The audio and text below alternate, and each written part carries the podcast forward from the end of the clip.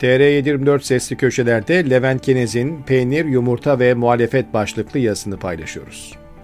Dünya lideri geçen gün Ukrayna ile Rusya arasında ara bulucu olmak için taraflara teklifte bulunan Halife-i Ruizem'in muhalefetin buluşmasına denk getirilen KDV indirimini açıkladığı toplantıda gocunmadan prompterdan tek tek şunları okudu.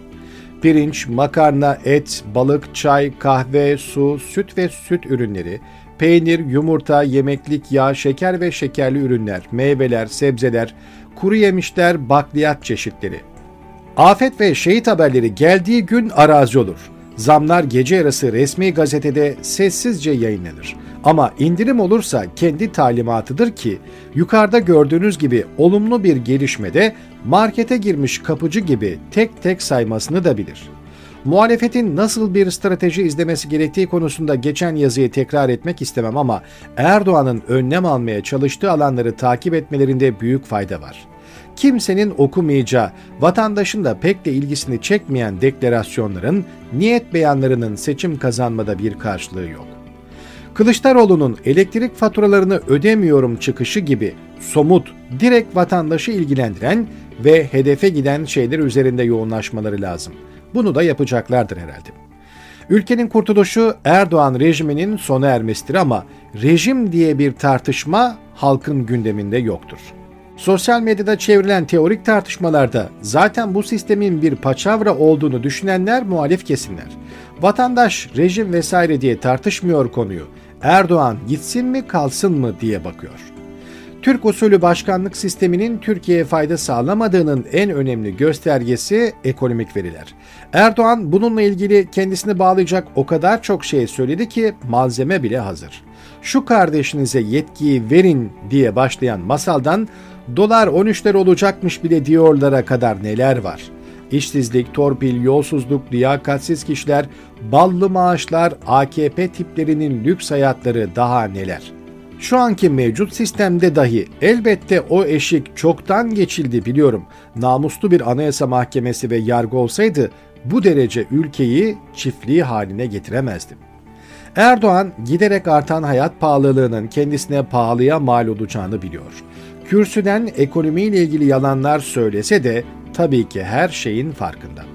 Asgari ücrete yaptığı beklenenin üstündeki zamdan sonra doları kardan zarar ederek şimdilik frenlemesi ve KDV indirimine gitmesi ve yakında elektrik fiyatları için bir kez daha düzenleme yapacak olması çok şey anlatıyor. Bunların işe yarıp yaramayacağı ayrı bir bahis.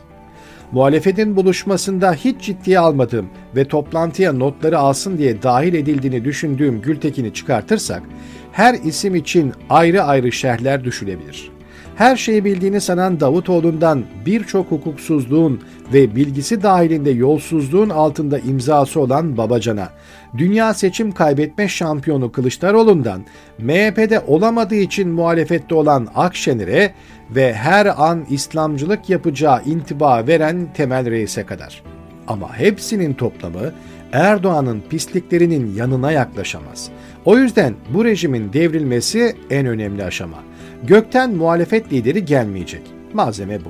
Ama rejim tartışması açmak çok makro bir strateji.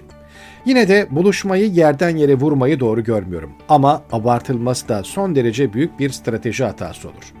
Erdoğan'a topunuz gelin pası atmamaları lazım.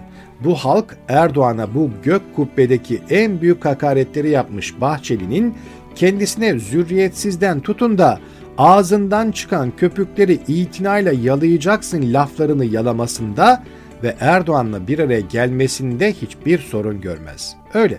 Ama 6-8 parti bir araya gelmiş bir adımı devirmeye çalıştığını düşünürse saçma bir mantığı devreye sokar. Bu kadar farklı adam bir araya geldiyse bu işte bir şeyler var falan filan. Siyasi bir araya gelmeler bazen herkesin oylarının ya da etkisinin alt alta toplanması anlamına gelmez. Bazen sonradan dağılmalar yaşanır ki bütün sinerji yok oluverir. Oyları düşük olsa da Babacan'ın ekonomiyle ilgili sözlerinin çarpan etkisi bambaşka. Davutoğlu'nun geçmişle ilgili anlattıklarını sen ben anlatsak bir anlamı olmaz. Saadet'in varlığı Millet İttifakı için bir kazanç. Ama her biri kendi ulaşabildiği kitleye mesajlarını vermek için yoğunlaşmalı. Bütün bu bir araya gelmelerde HDP yoksa bu iş olmaz demek bence ezberci bir yaklaşım. Bunu da bir sonraki yazıda konuşalım.